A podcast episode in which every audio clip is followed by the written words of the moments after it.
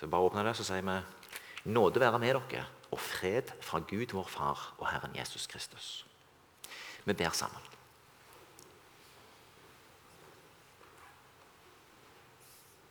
Herre, takk for søndagen. Takk for anledningen til å samles i fellesskap, i fred og frihet. Takk for alle goder du har gitt oss, Herre. Takk for at vi har hatt ditt ord blant oss i dette landet så lenge. Herre, jeg ber om at du fortsetter å velsigne landet vårt, Herre. Jeg ber om at hver enkelt som er her, må få bli til velsignelse. Herre, jeg ber om at ditt ord må få gjøre sin virkning og gjerning i oss, Herre. Kom til oss, du Hellige Ånd. Åpne ordet for meg som skal legge det fram. Åpne ordet for de som sitter her og hører. Åpne ordet for oss alle, Herre. Vær du sammen med oss. Amen. Søndagens tekst finner vi i Matteus evangeliet kapittel 20. Fra vers 1 og til vers 16. Det er lignelsen om arbeiderne i vingården. For himmelriket kan lignes med en husbond som gikk ut tidlig en morgen for å leie folk til å arbeide i vingården sin. Han ble enig med arbeiderne om en denar for dagen og sendte dem av sted til vingården. Ved den tredje time gikk han igjen ut, og han fikk se noen stå ledige på torget. Han sa til dem, 'Gå også dere bort i vingården. Jeg vil gi dere det som rett er.' Og de gikk. Ved den sjette time og ved den niende time gikk han ut og gjorde likedan. Da han gikk ut ved den ellevte time, fant han ennå noen som sto der, og han spurte dem, 'Hvorfor står dere her hele dagen uten å arbeide?' 'Fordi ingen har leid oss', svarte de. Han sa til dem, 'Gå bort i vingården, dere også.' Da kvelden kom, sa eieren av vingården til forvalteren, 'Kall på arbeiderne og gi dem lønn.' Begynn med de siste og gå videre til de første. De som var leid ved den ellevte time, kom da og fikk en denar hver. Da de første kom fram, ventet de å få mer, men også de fikk en denar. De tok, tok imot den, men ga seg til å klage på husbonden og sa, de som kom sist, har arbeidet bare én time, og du stiller dem likt med oss, vi som har båret dagens byrde og hete. Han vendte seg til en av dem og sa, min venn, jeg gjør deg ikke urett. Ble du ikke enig med meg om en denar? Ta ditt og gå. Men jeg vil gi ham som kom sist, det samme som deg. Har jeg ikke lov til å gjøre med mitt som jeg selv vil? Eller ser du med onde øyne på at jeg er god? Slik skal de siste bli de første, og de første de siste.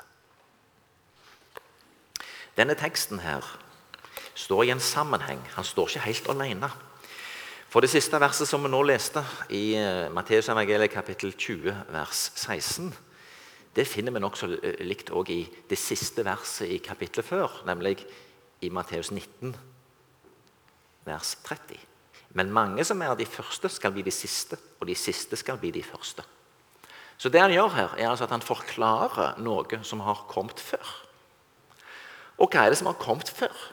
Jo, i Matteus 19 fra vers 16 så har vi historien om da Jesus møtte en rik, ung mann. Som eh,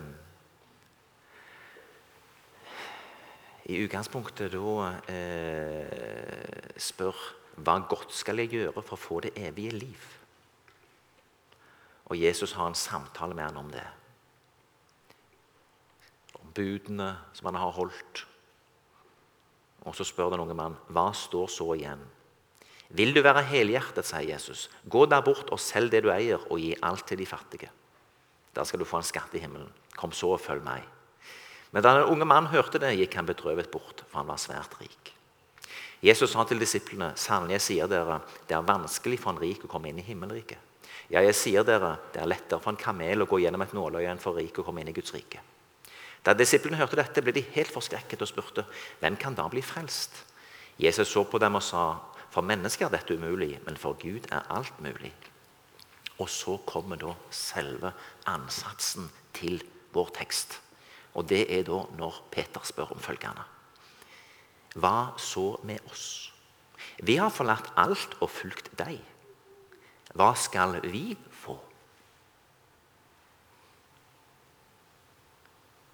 Jesus sa til dem, 'Sannelig, jeg sier dere, når verden skal fødes på ny, og menneskesønnen sitter på tronen i sin herlighet, da skal også dere som har fulgt meg, sitte på tolv troner og dømme Israels tolv stammer.' Og enhver som har forlatt hus eller brødre eller søstre eller far eller mor eller barn eller åkrer for mitt navns skyld, skal få mange dobbelt igjen og få evig liv i eie. Stor lønn loves til de som blir Jesus sine disipler. Og kanskje særlig eh, eh, stor lønn til de første tolv, som hadde en helt spesiell rolle. Eh, men altså, mange som er de første, skal bli de siste, og de siste skal bli de første. Og så begynner han på det som vi har som søndagens tekst. Dette er sammenhengen vi leser det inn i. Det er altså på, Paul, på, på Peters spørsmål om hva skal vi få? Det er det som skal eh, besvares. Og så er det jo veldig interessant å se hvordan Jesus legger dette an. For på ene sida så lover han de svære ting. Han lover de evig liv. Han lover de mye godt. Eh, men han presiserer de første skal bli de siste, og de siste skal bli de første. Og så bruker han ligningen til å legge ut det. Eh, og der er det jo mange, mange interessante utfordringer. Lignelsen viser en husbond som går ut tidlig en morgen for å leie folk til å arbeide. Han ble enig med arbeideren med en denar for dagen og sendte de av sted til vingården. Eh, det er noen som tolker og sier at dette her er litt sånn at de første der, det er israelsfolket. For de er de eneste som faktisk får et løfte. De får vite hva de får. Når vi leser litt seinere her, så står det ved den tredje time gikk han igjen ut, og han fikk se noen stå ledige på torget. Han sa til dem, 'Gå også dere bort i vingården. Jeg vil gi dere det som rett er.' De som kom etterpå, de som kommer fra den tredje time ut gjennom, de får ikke helt konkret vite akkurat hvordan det ser ut, det de får. De går på at husbonden sier at dere skal få rettferdig lønn. De stoler på det som blir sagt til dem. De går i tro. De har ikke fått fiksferdige løfter om hva de får. Får vi en halv dinar? Får vi bare litt? Hva får vi? De går på at de stoler på at husbonden er rettferdig. Men de første fikk et løfte. Og Vi kan kanskje også se litt mot disiplene, de første tolv de fikk et veldig konkret løfte om å eh, sitte på tolv troner og dømme Israels tolv stammer.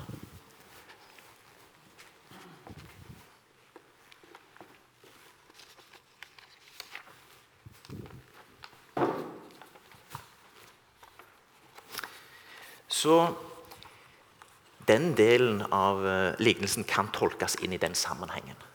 At det er litt i frelseshistorien hvordan den utfolder seg. Og at de første løftene kommer til Israels folk, og de har fått veldig konkrete løfter. Og vi andre som kommer etterpå, vi stoler på en rettferdig Gud for den som tror og går inn i dette. Uten fullt og helt å ha fått beskrevet akkurat hvordan alt ser ut. Iallfall ikke så tydelig som israelsfolket. Men lignelsen må jo først og fremst tolkes inn i det som går på hvordan vi som disipler eh, tenker om både tjenesten vår og litt om andre. Eh, det er et nåderike. Det minnes jo om her. Det er litt slik at eh, i utgangspunktet så loves vi fellesskap med Fader, Sønn og Hellig Ånd pga. det som Kristus har gjort.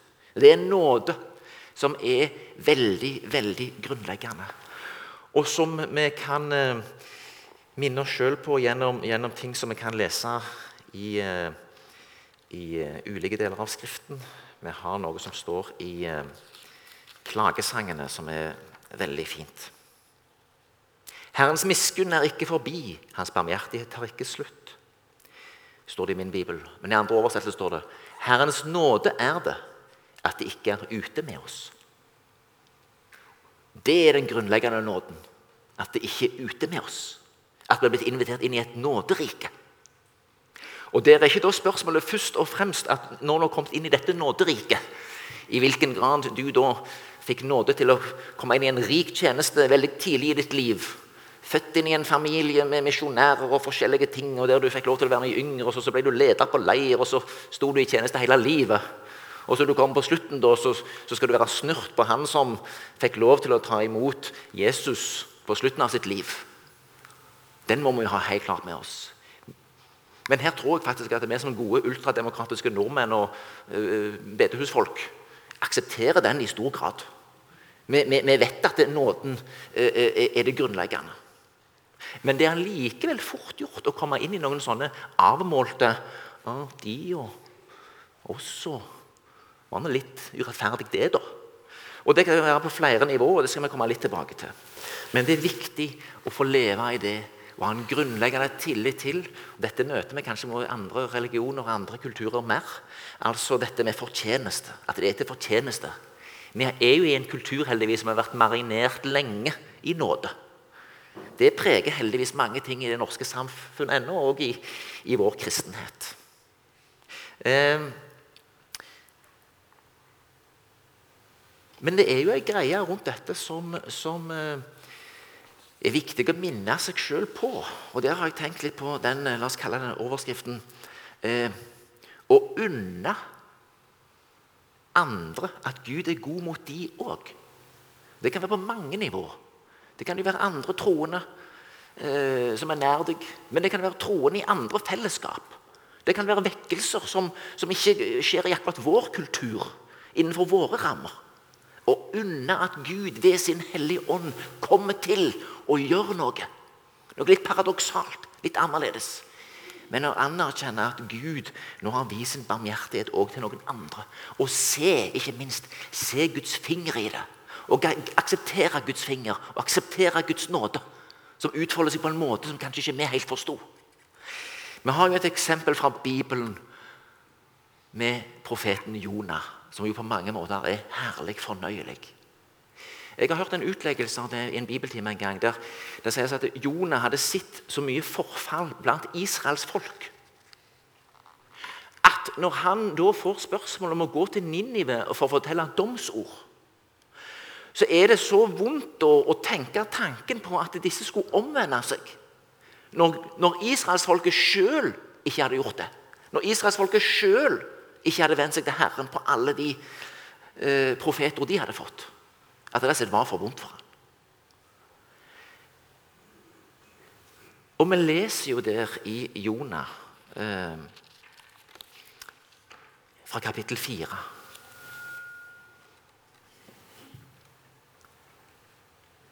eh,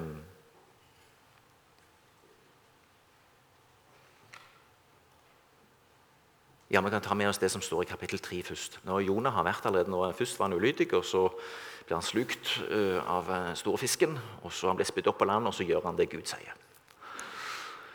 Og Så skjer jo det i Ninive at folk vender om.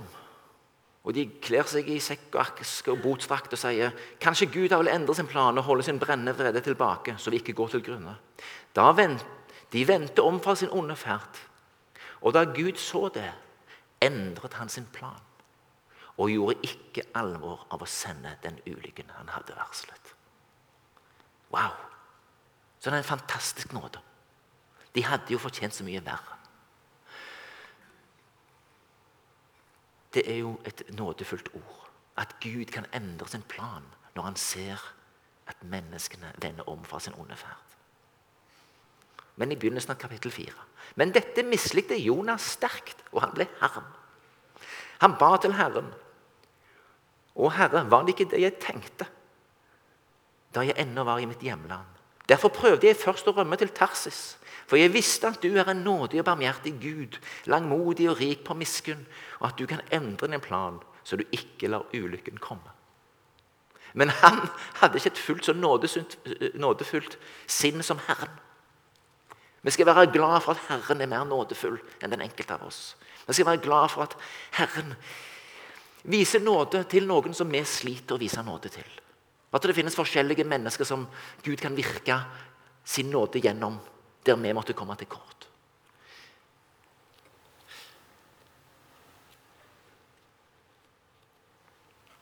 Vi har denne sangen som også har hentet sin inspirasjon fra klagesangene 322. Din trofaste Hvordan er det? Den er ny hver en morgen, ny hver en morgen.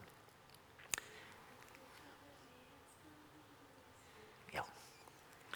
Det er et poeng å dvele med det. Den er ny hver morgen. Og den kan òg være helt ny for noen folk som vi ikke fatter ville være i stand til å ta imot det budskapet så dypt de har falt.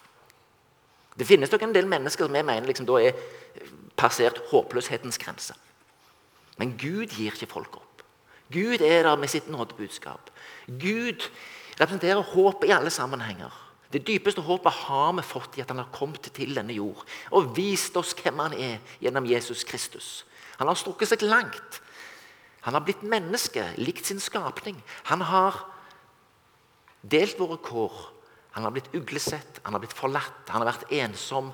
Han har blitt hersa med, han har blitt henretta, han har dødd, og han har stått opp igjen. Alt dette har han gjort for å vise sin uendelige kjærlighet til oss og forsone verden med seg sjøl. Han er sjøl offeret. Et stort mysterium. Men en stor kjærlighetshandling som viser hvor langt Gud er villig til å gå. Å sende sin egen sønn. Jeg tror For de fleste av oss som har barn, så ville vi gått i krigen sjøl. Men å sende en av ungene, det ville vært tungt. Gud gjør det å sende sin egen sønn. Men tilbake til teksten. Jonah er her et godt eksempel på de første som er fornærma over at Gud viser sin godhet òg til andre. For det er en veldig interessant sak videre der i Jonah. I Jonah 4,4 så er det et megetsigende vers når sutrekroppen, den selvmedlidende Jonah, har delt sin smålighet med Gud. Men Herren svarte, 'Har du grunn til å være harm?' Det er et veldig bra spørsmål. Har vi grunn til å se med unåde på at Gud viser sin godhet til andre? Har vi grunn til å være harm over at det skjer en eller annen vekkelse eller fornyelse et helt annet sted enn der vi er. Jo, vi kan bli litt misunnelige. Vi skulle ønske det var her. Men allikevel, Gud er en nådig Gud. Han øser ut sin nåde sånn som han vil. Ikke sånn som vi vil, heldigvis. Han øser ut sin nåde i mange sammenhenger. Og det er viktig å anerkjenne det Gud gjør, og at han er god mot så mange. Går vi tilbake til tekstens innhold for øvrig, så er det jo klart at det kan av og til virke rart, dette med eh, de som blir troende helt på slutten av sitt liv. Så kan noen eh, eh, eh ønske, som jeg hørte ei som sa det eh, eh, måtte vært gullfint det å levd akkurat som du sjøl ville hele livet, og liksom på slutten av livet liksom ta imot Jesus. Det kan jo være en kalkyle for noen. Jeg tror det er en farlig kalkyle på tanke av at jeg tror at du ofte, Hvis du har en sånn kalkyle, så tror jeg etter hvert at du kommer bort fra det og glemmer hele kalkylen og glemmer Gud. Jeg tror det er godt for enhver å så fort som mulig komme i kontakt med Guds nærhet, Guds godhet, Guds vilje for våre liv. Om det skulle bli en annen retning, en annen karriere eller ikke fullt så mye penger og ting. Nei, Gud er en god Gud. Det må vi holde fast på. Han vil oss vel. Han vil det beste for oss. Og det er ikke alltid når vi ber om store, fine ting, så er det akkurat som vi ber om en skorpion og så gir Gud oss noe bedre i stedet for. Men vi vet ikke alltid hva som er godt for oss. Det er ikke alltid vi har karakter til å tåle alle de fine goder i livet som vi skulle ønske.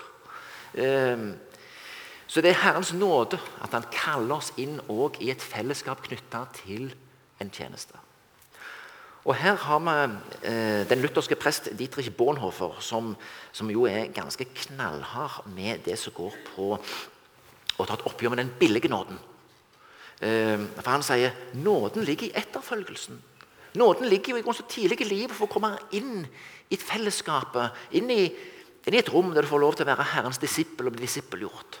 Det er nåden. Å få lov til å leve det livet. Eh,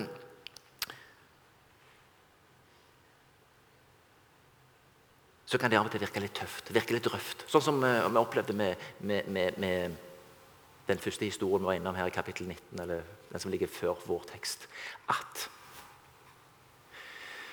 eh, det virker litt tøffe, disse kravene fra Jesus. Og Her er det viktig å besinne seg på følgende. Jesus er sjøl hele sannheten. Jeg leser litt av en, av en eh, kar som heter Wilfred Stinesen. Han var katolsk munk i Sverige, opprinnelig nederlender, men bodde i Sverige fra 1967 til han døde i 2013. Og Wilfred Stinesen er en utrolig klok mann. Han sier noe sånn som dette. Jesus Kristus representerer hele sannheten. Og Det kan av og til virke litt sånn oh, Du leser liksom i bergpreiker Oi, du rygger tilbake. Så vil du nå, eh, som på Bonhoffers anklage, bare gjemme deg bak nåden i Kristus. Og at eh, alt dette som er sagt her, er bare for at jeg skal forstå hvor, hvor stor eh, Kristus er, og hvor, hvor ubehjelpelig jeg er. Men Stinesen sier det på en annen måte. Kristus er sannheten. Den hellige ånd vil veilede oss til hele sannheten i vårt tempo. Den hellige ånd vil være med. Den hellige ånd tar tak i deg der du er nå, og veileder deg mot sannheten. Mot Kristus, mot en farbar vei for deg, mot en mulig vei med dine begrensninger, som du kan være helt åpen om. Det er ingen motsetning mellom å ha Kristus som Herre men å bli veiledet ved Ånden. Det er derfor vi har fått Ånden. Ånden skal lede oss fra det punktet vi står i nå, til og mot hele sannheten. Paulus sier det til Timoteus på samme måten i andre, på en litt annen måte i 2. Timoteus kapittel 1, vers 14. Ta vare på den gode skatten som er betrodd deg. Den hellige ånd som bor i oss, skal hjelpe deg til det. Halleluja. Ta vare på den gode skatten som er betrodd deg. Det som er blitt gitt deg i dåpen, i den tro du har blitt oppdratt i, eller den tro du nå er i ferd med å nærme deg. Den hellige ånd som bor i oss, skal hjelpe deg til det. Det er et veldig løfte. Vi trenger ikke Vi trenger ikke stresse med det perfekte. Men dette skal også være med som en hjelp til oss som har fått lov til å leve som troende tidlig i våre liv. Og være en hjelp til å forstå at det å komme inn i denne prosessen tidlig i liv, det er stor nåde. Det er, det er, Dess tidligere du får komme inn i det og få bli med fra time én og i tolv timer, er stor nåde. Eh, ja, det er stor nåde at de som ikke har blitt spurt, eh, ved den tredje, sjette, ellevte og tolvte time blir spurt. Det er det.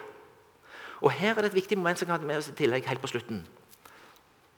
Da han gikk ut ved den ellevte time, fant han enda noen som sto der. Og han spurte dem hvorfor står dere her hele dagen uten å arbeide. Fordi ingen har leid oss, svarte de. Nå er vi over i misjon. Nå er vi over i Fordi vi har alle fått anledning til å høre om dette. Her er vi midt i vårt kall som misjonsforsamling. Vi vil, vi vil være med til de som overhodet ikke har hørt om dette. Denne gode muligheten til å komme inn i dette livsfellesskapet, inn i denne vingården. At de skal få høre det.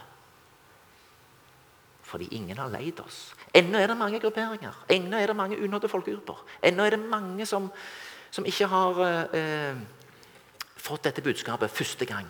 I Norge er det ennå mulig å lete det opp og finne det. Selv om vårt folk også har kommet på avstand. Så har vi hatt dette budskapet i tusen år men òg i det nære. At vi ser hverandre i forsamlingen. Det kan være Noen kan si 'Hvorfor er ikke du aktiv i en tjeneste?' Fordi ingen har spurt meg. Og så må det være deilig å kunne si at eh, du, du akkurat nå er der at du, du syns det er bare deilig å være i fellesskapet. Hjertelig velkommen til deg. Uh, uh, vi stresser ikke verken det ene eller andre. Men igjen, det er nåde å få lov til å være med. Og Gud utrøster oss med de gaver som vi trenger i den tjenesten vi sier ja til. Han ønsker et lydhørt hjerte. Noen som ønsker å gå med ham, enten du har kommet inn i den første timen, i den tredje, den sjette eller niende. Men la oss ha dette med oss. Det er et nåderike vi er blitt invitert inn i. Vi unner at Gud viser sin godhet òg til andre. Enten det er noen vi kjenner, eller noen andre fellesskap, eller noe som Gud bare gjør helt uten at vi forsto hvorfor. Og La oss se litt etter de som kanskje kan si fordi ingen har leid oss, Fordi ingen har spurt oss, fordi ingen har sett oss, fordi ingen ennå har gitt oss mulighetene til å høre evangeliet.